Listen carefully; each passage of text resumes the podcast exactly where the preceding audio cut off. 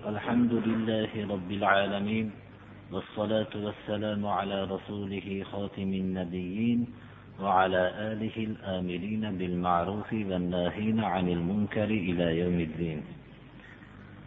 أما بعد السلام عليكم ورحمة الله.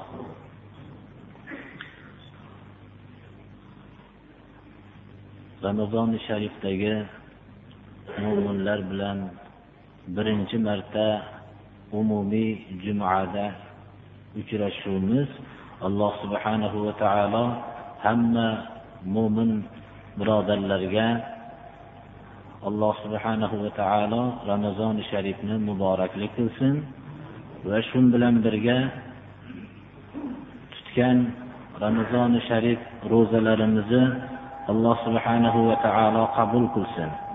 gunohlarimizga kafforat bo'ladigan ibodat qilsin qiyomillayl bilan nuqsonlar bilan o'tayotgan ibodatlarimizni alloh taolo qabul qilsin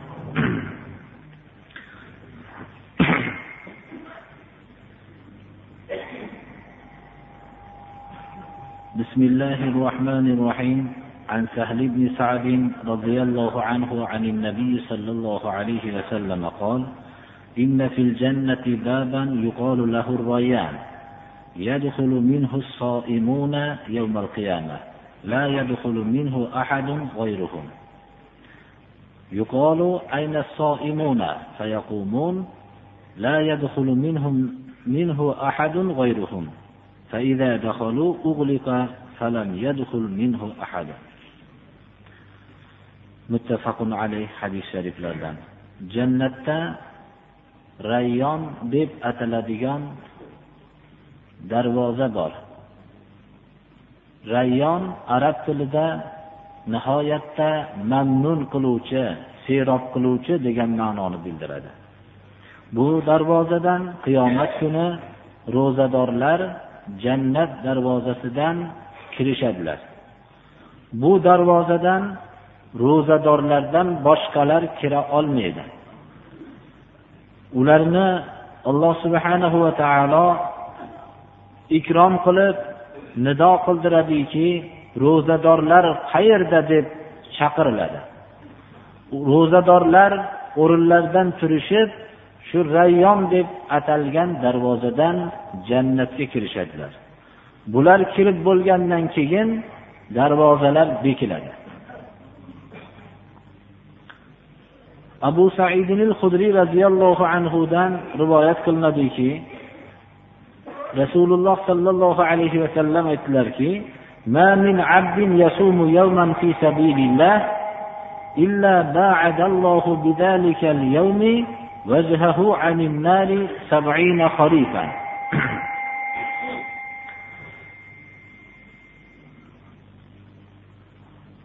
ollohni yo'lida bir kun ro'za tutgan bo'lsa ya'ni o'ttiz kun ramazoni sharifdagi har bir kunning mukofoti bayon qilinyapti. Bu hadis sharifdan bir kungi ro'zagina deb tushunib qolinmasligi kerak. O'ttiz kun ro'za tutgan kishining har bir kungi ro'zasining mukofotini bayon qilib shunday dedilarki ollohni yo'lida ollohni farzi deb bir kun ro'za tutgan kishi alloh subhanahu va taolo shu bir kungi ro'zasining mukofotiga uni do'zaxdan yetmish yillik muddatcha masofada uzoq qiladi. Abu hurayra roziyallohu anhudan rivoyat qilinadiki rasululloh sollallohu alayhi vasallam aytdilarki man soma ramazona imanan va ihtisaban ghufira lahu ma taqaddama min zambihi ramazon oyida ramazon oyining farzligiga iymon keltirib va ollohdan ajrini mukofotini umid qilib ro'za tutgan kishini o'tgan gunohlari mag'firat qilinadi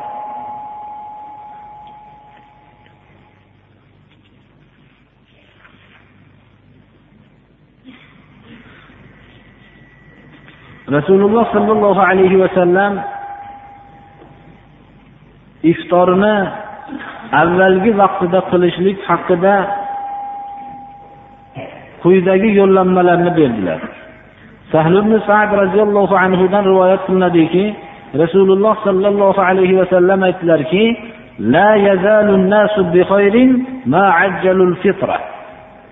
odamlar yaxshilikdan ajralishmaydi modomiki iftorni avvalgi vaqtida qilishsalar. Avvalgi vaqtida iftorni qilgan kishilar yaxshilikdan ajralishmaydi dedilar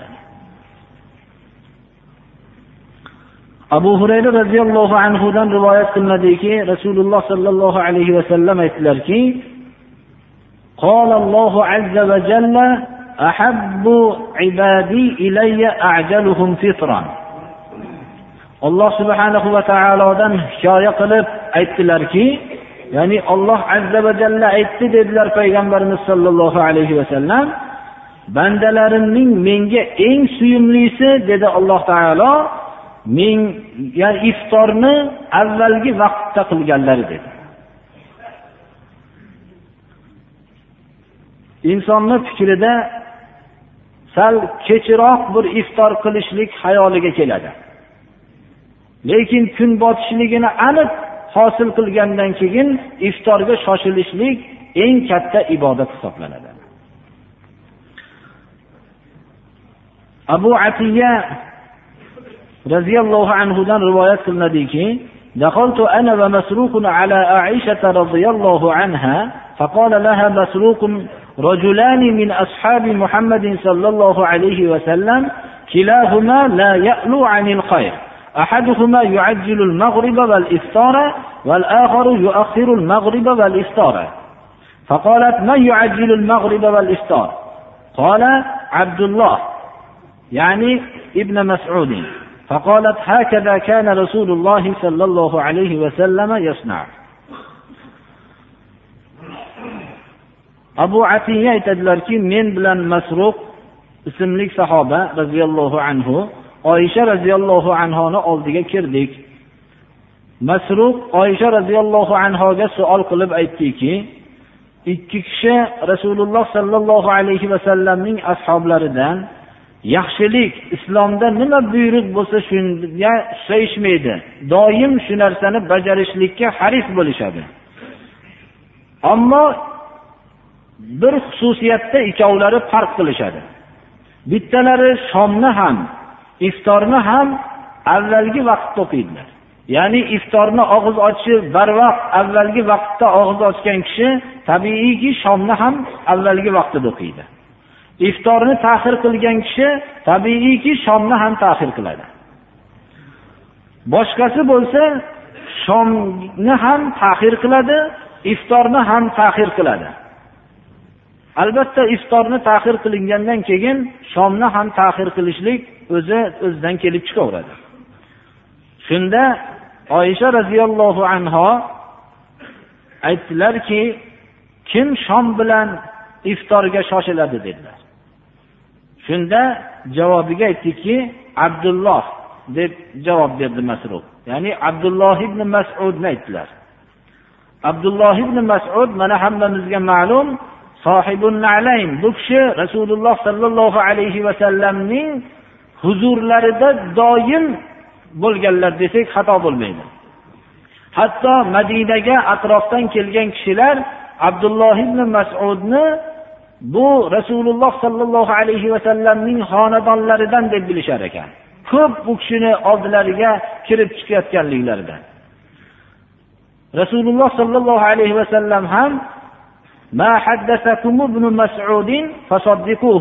abdulloh ibn masud sizlarga aytib bergan narsani tasdiq qilinglar dedilar. Imom azam rahmatulloh alayh mana shu so'zni hujjat qilgan bo'lsalar kerak ko'proq u kishining rivoyatlari abdulloh ibn masudning rivoyatlarini oladilar. Shu abdulloh ibn masud shomga va iftorga shoshilar ekanlar. Oysha roziyallohu anhu aytdilarki rasululloh sollallohu alayhi vasallam ham xuddi shunday qilardilar dedilar.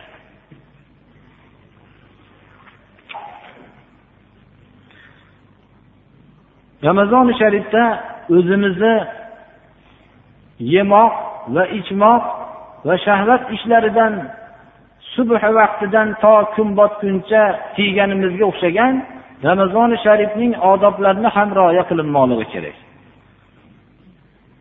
rasululloh sollallohu alayhi vasallamdan abu hurayra roziyallohu anhu rivoyat qilib aytyaptilarki payg'ambarimiz sollallohu alayhi vasallam aytdilar deb إذا كان يوم صوم أحدكم فلا يرفث ولا يصخب فإن سابه أحد أو قاتله فليقل إني صائم sizlarning bittalaringlarni ro'za kuni yetib kelsa ro'zada hozir bo'lib ramazoni sharifni ro'zasini tutishlik nasib bo'lgan bo'lsa u fahsh so'zlarni gapirmasin va shovqin qilmasin. Agar mabodo boshqa kishi rioya qilmasdan u bilan so'kishsa yo qattiqroq jang qilsa aytsinki meni uzrim bor siz bilan so'kishgani va qattiq jang qilganim men uzrliman ro'zadorman ya'ni desin ya'ni men o'zimni ovqatdan tiyishga o'xshagan so'kishlikdan va jang qilishlikdan o'zimni tiyganman deb aytsin. Xuddi ovqat yeyishligi mumkin emas edi. Bir odam ovqatni taklif qilsa meni uzrim bor men ro'zaman deb aytardi. Xuddi shunga o'xshagan so'kishaman desa yo qattiq bir jang qilaman desa meni uzrim bor ro'za tutganman desin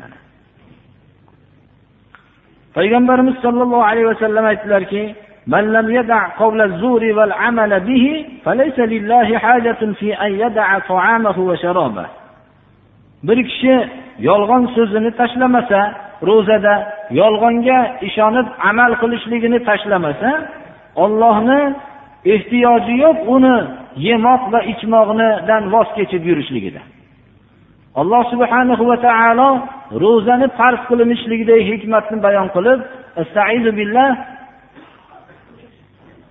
يا أيها الذين آمنوا كتب عليكم الصيام كما كتب على الذين من قبلكم لعلكم تتقون أياما معدودات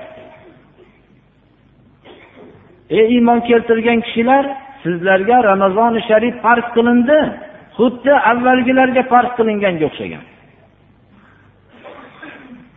Farz qilinishligi sizlarni taqvo hosil qilishliginglar uchun farz qilindi. Demak inson hayotda taqvo hosil qilib olsa o'zining hayot yo'nalishida insoncha yashashligiga imkoniyat topib oladi. Bu ro'za tutishligimizni bizga bir taqvo hosil qilishligimiz uchun zarurdir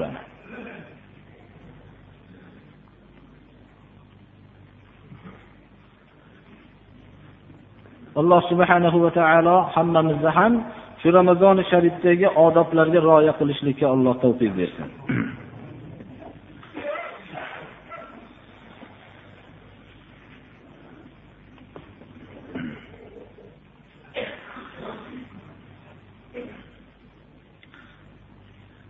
أعوذ بالله من الشيطان الرجيم قل يا أهل الكتاب لم تكفرون بآيات الله والله شهيد على ما تعملون. قل يا أهل الكتاب لم تصدون عن سبيل الله من آمن تبغونها عوجا وأنتم شهداء وما الله بغافل عما تعملون.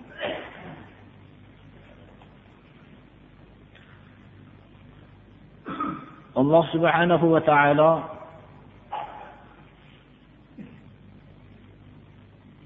rasululloh sollallohu alayhi vasallamni buyuryaptiki ahli kitoblarga xitob qilishlikka. Ahli kitoblar rasululloh sollallohu alayhi vasallamning olib kelgan yo'lini haq ekanligini bilishar edi. U kishi olib kelgan yo'l o'zlarining yashashayotgan yo'llaridan qiyos qilib bo'lmaydigan darajada afzal ekanligini yaxshi bilishardi. Lekin tamomiy molu davlatlari bilan kuch quvvatlari bilan rasululloh sollallohu alayhi vasallamga qarshi chiqishdi. Nima uchun? Chunki agar rasululloh sollallohu alayhi vasallamning olib kelgan yo'llari g'alaba qiladigan bo'lsa ularning xalqlar ustidagi soxta obro'lari ketishligi muqarrar edi. Ular xalqlardagi qilayotgan zulmlaridan mahrum bo'lishlari muqarrar edi. Xalqlarning safidan o'rin olishlari muqarrar edi. Ular xalqlar ustiga yuk bo'lib soxta peshvo bo'lib olishgan imtiyozlaridan ajralishlari muqarrar edi.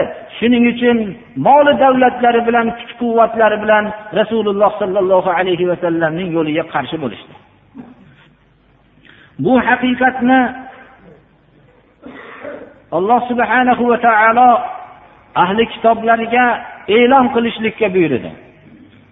Ayting ey muhammad alayhissalom ahli kitoblarga xitob qilib ey ahli kitoblar nimaga ollohning oyatlariga kofir bo'lyapsizlar?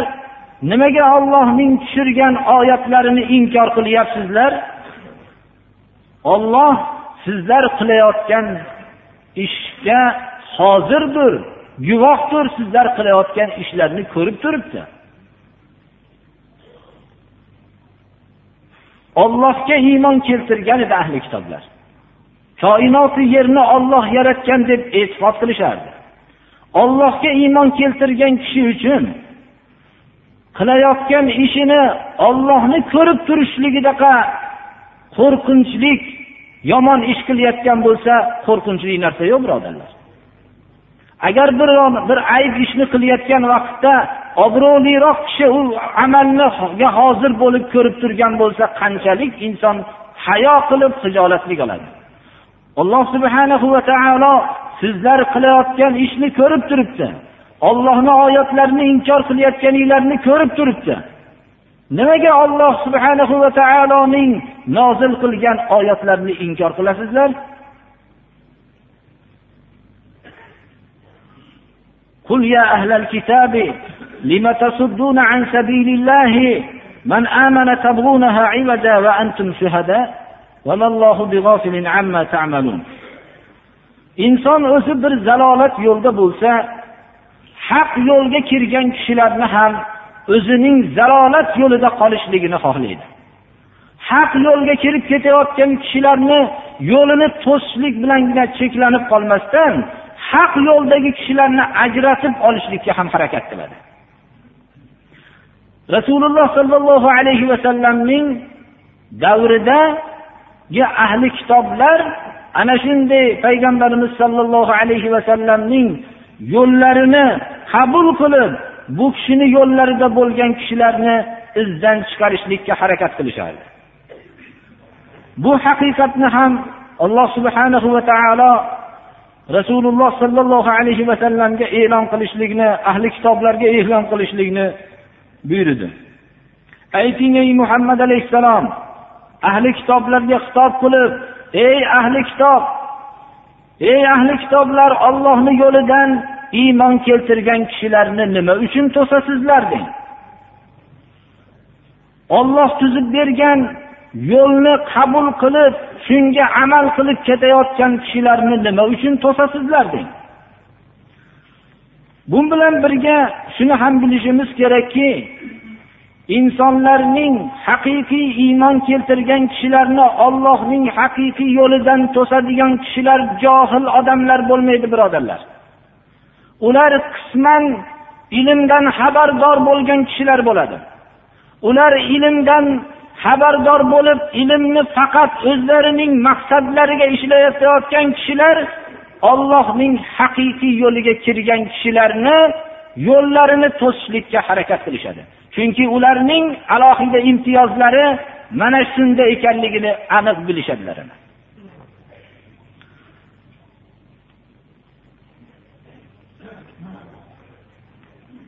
Ollohni yo'li haq yo'l.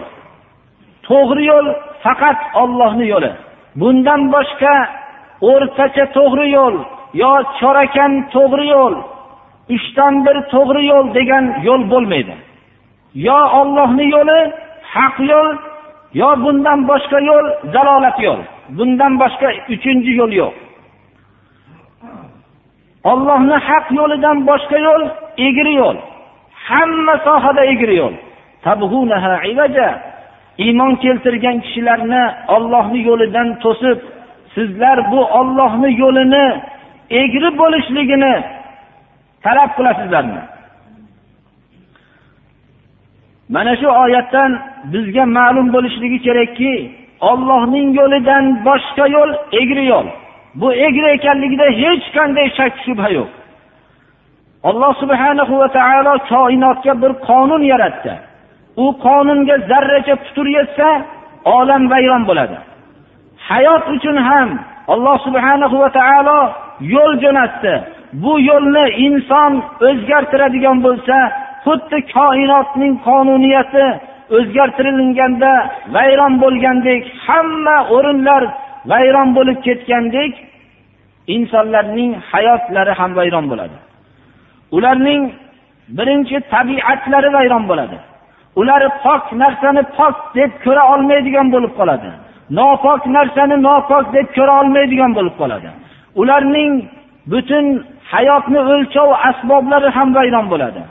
Ularning vijdonlari ham vayron bo'ladi balki vijdon o'rniga faqat jig'ildon qoladi birodarlar. Faqat hayotni yemoq ichmoq shahvat deyishdan boshqa tasavvur qolmaydi. Insonlarning tasavvurlari ham vayron bo'ladi. Insonlarning xulqlari ham vayron bo'ladi. Agar ollohni yo'lida yo'lni o'zgartirishadigan bo'lsalar hamma tarafdan egrilik vujudga keladi. Alloh subhanahu va taolo mana bu oyatda ey ahli kitoblar ollohni yo'lidan ollohni yo'liga iymon keltirgan kishilarni nima uchun to'sasizlar? Ollohni yo'lini egri bo'lishligini talab qilasizlarmi? Inson bir narsani egri qilishlikni bilmasdan qilib qo'ysa u agarki uzr bo'lmasa ham bu ham bir hayotda mumkin bo'ladigan narsa bo'lishi mumkin. Lekin ahli kitoblar ollohning yo'lini haq ekanligini bilishardi. Alloh subhanahu va taolo mana bu bilishganliklarini bayon qilib va antum shuhada sizlar o'zinglar ollohni yo'lini haq ekanligiga guvohsizlaru.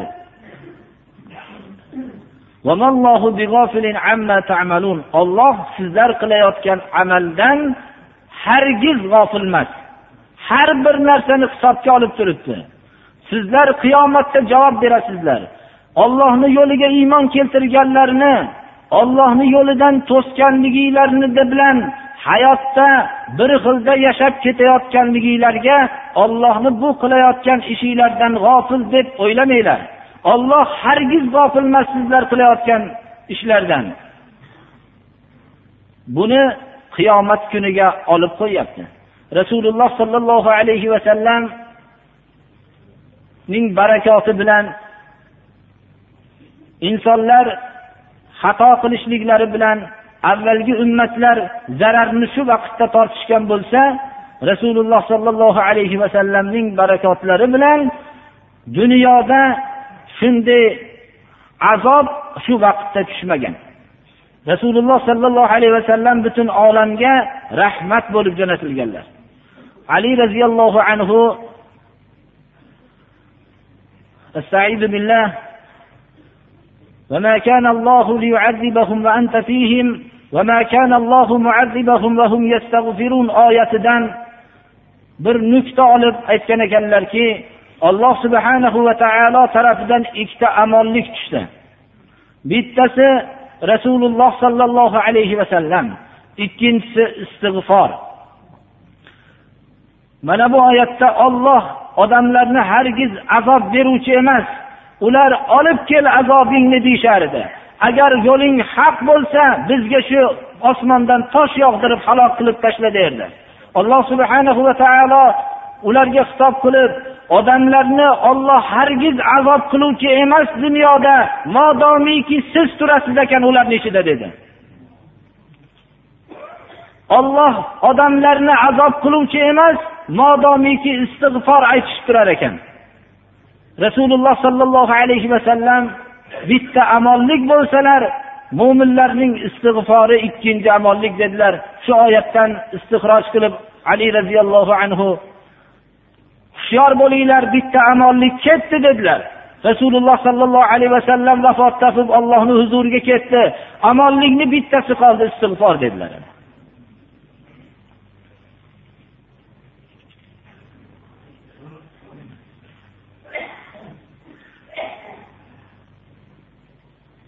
يا أيها الذين آمنوا إن تطيعوا فريقا من الذين أوتوا الكتاب يردوكم بعد إيمانكم كافرين alloh subhanahu va taolo mana bu oyatda ahli kitoblarning toifalariga ergashishlikdan ogohlantiryapti ahli kitoblar ya'ni yahud va nasorolar hammasi mo'minlarning iymonga kirib ular ittifoq bo'lib ularning yashashligini ko'risholmasdi alloh subhanahu va taolo iymon keltirgan kishilarga xitob qilib ey iymon keltirgan kishilar ahli kitob ya'ni yahud va nasorolarning toifalariga agar itoat qilsanglar ularning maqsadlari bitta xolos. Sizlarni iymon sifatiga ega bo'lganinglardan keyin sizlarni kofirlikka qaytarishlikdan boshqa maqsadlari yo'q ularni ahli kitoblar ashoblarning iymon sifatiga ega bo'lishgandan keyin ularning qanchalik ittifoq bo'lib aqida qalblarida barqaror bo'lgandan keyin qanday kuchga aylanganliklarini o'z ko'zi bilan ko'rib turishgandan keyin bu iymon sifati har bir kishining qalbiga o'rnashgandan keyin qanday bir sifatga ega bo'lishligini ko'rib ular iymondan chiqarishlikdan boshqa maqsadlari yo'q edi. Doim vaqtda bo'lgan islomning dushmanlarining yagona maqsadi kishilarning iymon sifatidan mahrum qilish bo'ladi. Ana sizlarni iymon sifatidan keyin kofirlikka qaytarishlikdan boshqa maqsadlari yo'q. Bu oyat qalbida iymon sifati mukammal bo'lib iymonning halovatini topgan kishiga nihoyatda bir qo'rqinchlik ogohlantirish edi ashoblar bu oyatdan ko'ra qo'rqinchlik oyat bor deb bilishmas edi rasululloh sollallohu alayhi vasallam shu mazmundagi so'zni aytdilarki bir kishida uchta sifat topilsa iymonning halovatini topadi dedilar. Ollohu rasuli unga o'zga hamma narsalardan suyimliroq bo'lsa dedilar. Shu uchta sifatning yana bittasini aytdilarki iymonni qabul qilgandan keyin kufrga qaytishlikni xuddi o'tga uloqtirilishlikni qancha yomon ko'rsa shunday yomon ko'radigan nisbatni qalbida paydo qilsa iymonning halovatini totadi dedilar. Kishi o'tga agar o'zini uloqtirilishligini bilsa u qanchalik xohlamaydi? O'zi o'tdan salomat turgan o'rindan uni o'tga uloqtirilishligini bilganda qanchalik u dahshatlanib qo'rqinch uni qalbini oladi? Ana iymon sifatiga ega bo'lgandan keyin ham kufrga qaytishlikni xuddi o'tga uloqtirilishligini qancha yomon ko'rsa shuncha yomon ko'rgandagina iymon halovati unga nasib bo'ladi. Ashobi ikromlar iymon halovatiga ega bo'lgan kishilar edi. Shuning uchun ham ey iymon keltirgan kishilar agar ahli kitoblarning bir toifasiga ergashsanglar sizlarning iymon sifatiga ega bo'lganinglardan keyin kofirlikka qaytaradi degan so'zdaqa qo'rqinchli oyat yo'q edi ularga.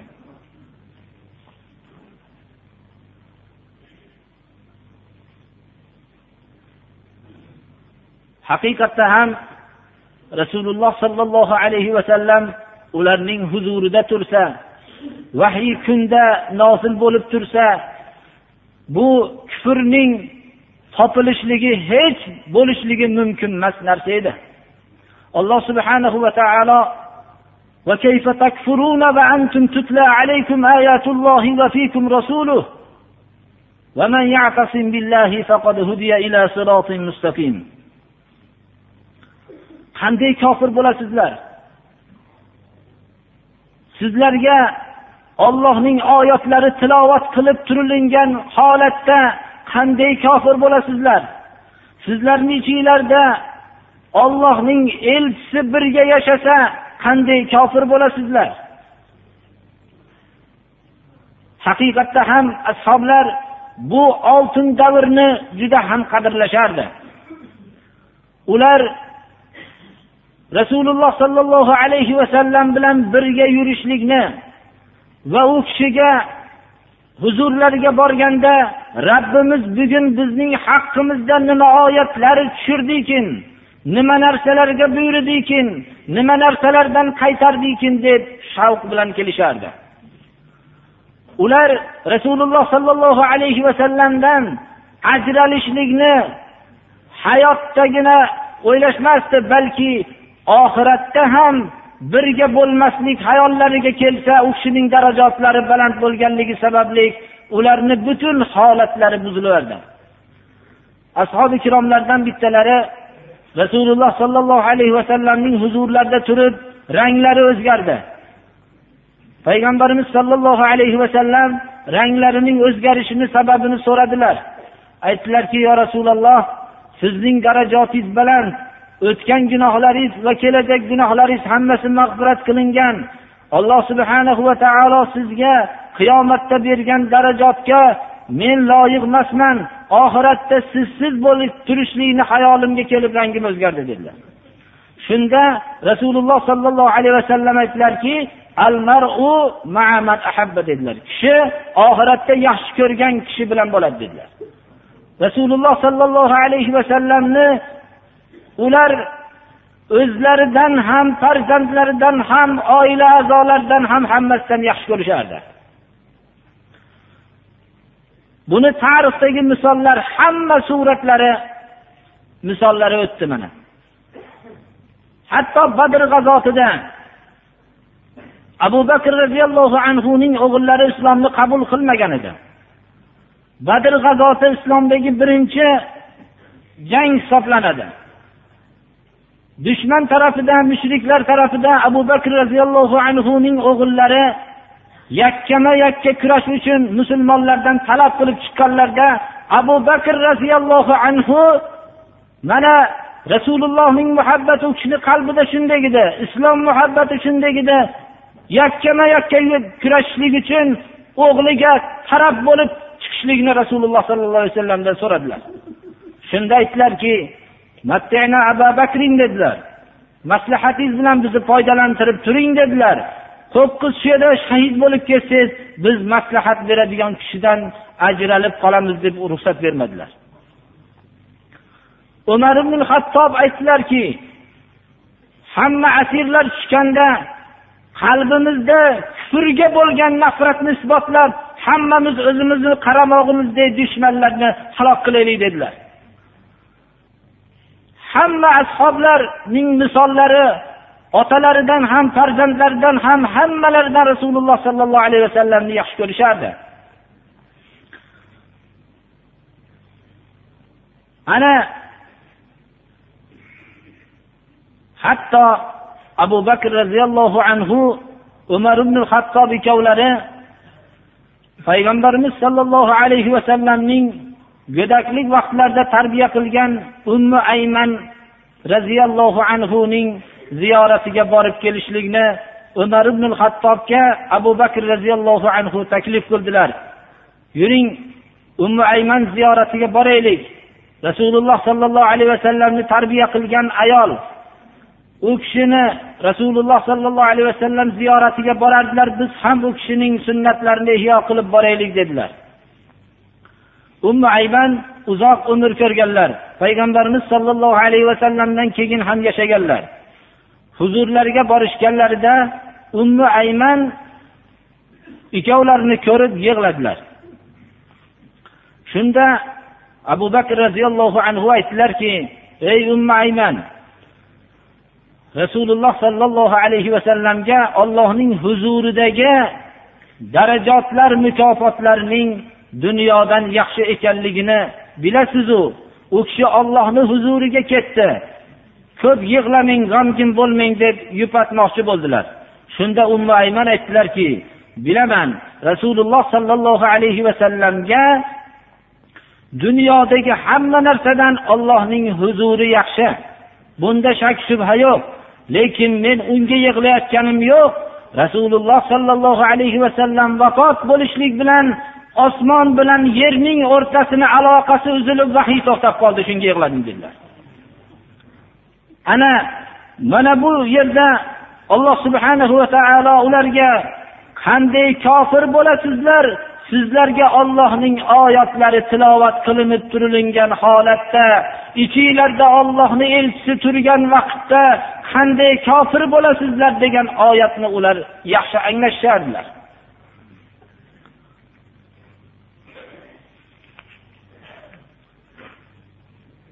ومن يعتصم بالله فقد هدي إلى صراط مستقيم alloh subhanahu va taolo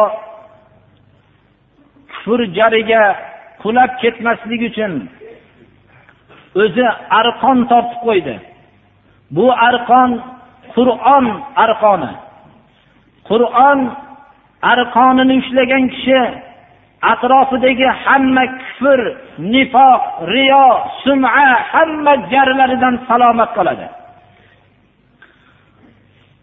Kim bu arqonni mahkam ushlasa alloh subhanahu va taoloning hukmini mahkam ushlasa u haqiqiy to'g'ri yo'lga yo'llanishligida shak shubha yo'q. Olloh asdaqul qoilin mana bu so'zni aytyaptiki kim ollohni hukmini ollohni dinini mahkam ushlasa to'g'ri yo'lga yo'llanibdi. To'g'ri yo'l bitta bo'ladi. To'g'ri yo'l to'g'ri chiziq ham riyozat ilmini bilgan kishilar yaxshi biladi faqat bitta bo'ladi. U ikkita bo'lishligi mumkin emas. To'g'ri yo'lga yo'llanishlik uchun alloh subhanahu va taoloni dinini yuborgan hukmlarini mahkam ushlashlik. E'tisom mahkam changallab ushlashlik. Kim ollohni hukmini mahkam ushlasa to'g'ri yo'lga yo'llanadi. Unday atroflardan bo'layotgan ho ahli kitoblar bo'lsin ho boshqa munofiqlar bo'lsin ho mushriklar bo'lsin ho dinsizlar bo'lsin ularning vasvasalarining hech qaysisi bunga zarar yetkazmaydi. Ammo ollohning qur'oniga ollohning hukmiga ollohning diniga mahkam ushlamagan kishi yo'ldan adashib ketadi. Buni musulmonlar sezishgan edi avvalda keyinchalik musulmonlar sezishi bulardagi his tuyg'ular ozaydi ammo dushmanlari yaxshi sezdi. Qur'onni modomiki mo'minlar bilishar ekan ular to'g'ri yo'llarini yo'qotishmasligini yaxshi bilishdi dushmanlar. Shuning uchun qur'onni faqat tabarrukona barakot uchun faqat savob uchun o'qiydigan qilib ta'lim berildi. Qur'onning asl hukmlari qur'onning qilishlikka bo'lgan buyruqlarni ifodalovchi oyatlar qaytarishligini ifodalovchi oyatlar shirkka shirkdan qaytargan oyatlar haqiqiy iymonni ko'rsatgan oyatlar umumiy xalq o'rtasidan ko'tarildida ular haqiqiy ollohni diniga mahkam chang urolmaydigan bo'lib ular to'g'ri yo'llarini yo'qotishib qo'ydilar. Shuning uchun ham har bir ishni biz birinchi johiliyat davrini o'nglagan narsa nima? O'zimizga savol qilishimiz kerak. Qur'oni karim shunday bir johiliyat davrini o'ngladi. Bizni musulmonlarning hozirgi ahvollarini ham hozirgi bashariyatning jaholat botqog'iga botib turishligi bu narsani boshqalar anglamasa ham ziyoli tabaqalar hammasi anglab turibdi. Moddiy qulayliklar har qancha yetarli bo'lishligiga qaramasdan insoniyat bir og'ir bir ahvolda qoldi. Demak taraqqiyot o'lchovi moddiy narsalarning moddiy qulayliklarning rivojlanishi emas ekan modomiki inson o'zi ma'naviy tarafdan ruhiy tarafdan rivojlanmas ekan bu bu taraqqiyot hech qanday yaxshilikka olib bormaydi. Balki inson sodda hayotda bo'lgan inson madaniy hayotda bo'lib turgan insondan pokizaroq yashaydi. Chunki inson buzilgandan keyin uning qo'lidagi hamma sharoitlarni bo'lishligi hamma fasod tarafga xizmat qiladi. Hozirgi moddiy qulayliklarning rivojlangan bo'lib insonlarning hammasini tang holatda turishlarining siri moddiy taraf rivojlanib ma'naviy tarafni juda qoloq bo'lib qolganga o'xshaydi. Agar tamsil joiz bo'lsa hozirgi madaniyatni bir qushga tamsil bersak bir tarafi qanoti moddiy tarafi nihoyatda yaxshi sog'lom qanotli bo'lsa ma'naviy tarafi chirib sasib ketgan bir qanot bo'lib qoldi. Bu qushning hech qanday uchishligi mumkin emas bo'lganga o'xshagan.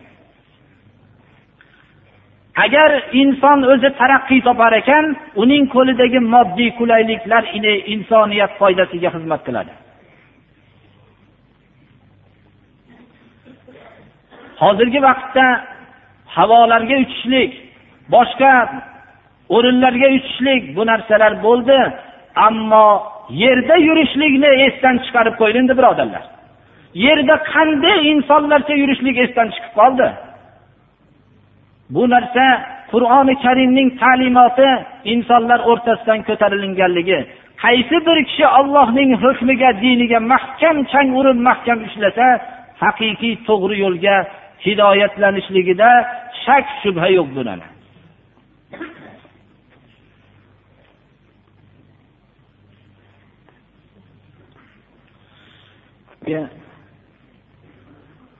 juma kunimizdagi subh ko'rsatilingan hammalari uchun mana ro'zanoma o'zi qo'llarida bo'lsa ham shuni takrorlab qo'yamiz. Subh vaqti mahalliy shu yerni vaqti bilan beshdan o'ttiz ikki daqiqa o'tgan vaqtda bo'ladi. Iftor vaqti bo'lsa yettidan yigirma to'rt minut o'tgan vaqtda iftor qilinadi.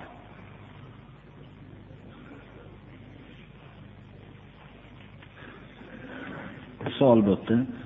Shu savolga biz javob beramizki islomda bayram ikkita bo'ladi. Bittasi idi ramazon ikkinchisi idi qurbon juma har kungi har haftadagi musulmonning bayrami. Islom bundan boshqa bayramni tanimaydi.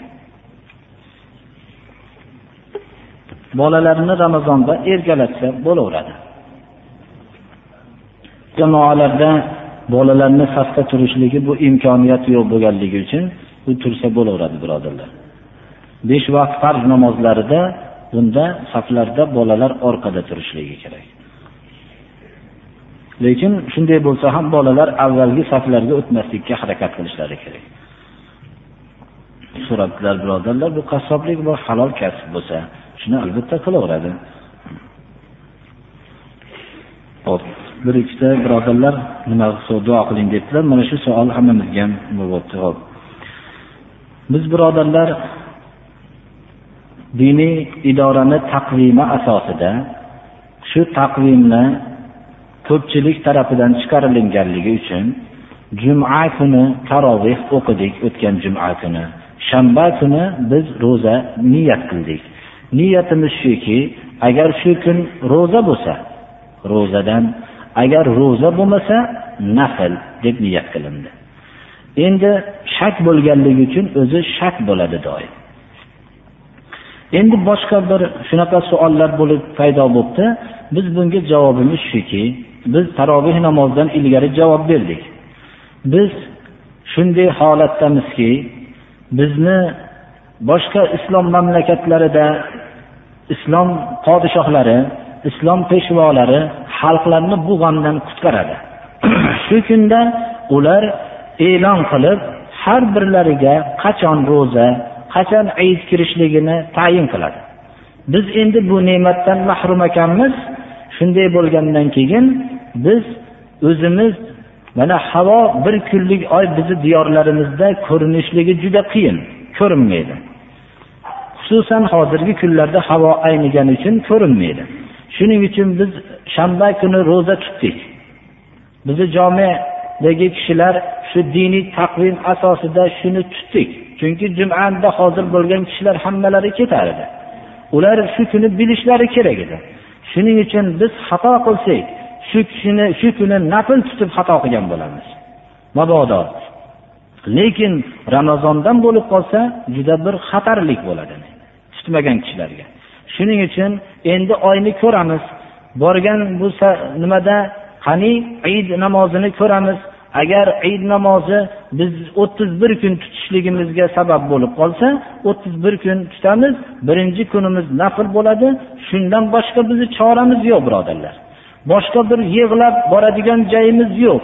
Bizni mas'ul xodimlarning bizga so'rab borib so'raydigan joyimiz bo'lmaganligi uchun o'zlarini shu ko'rsatib qo'ygan narsalari asosida shu ishni qildik xato qilgan bo'lsak o'zimiz tarafdan xato qildik agar to'g'ri bo'lgan bo'lsa allohni fazli bilan bo'ldi shunday deymizda Eid namozigacha inshaalloh bir necha jumalar bor, aniq aytamiz.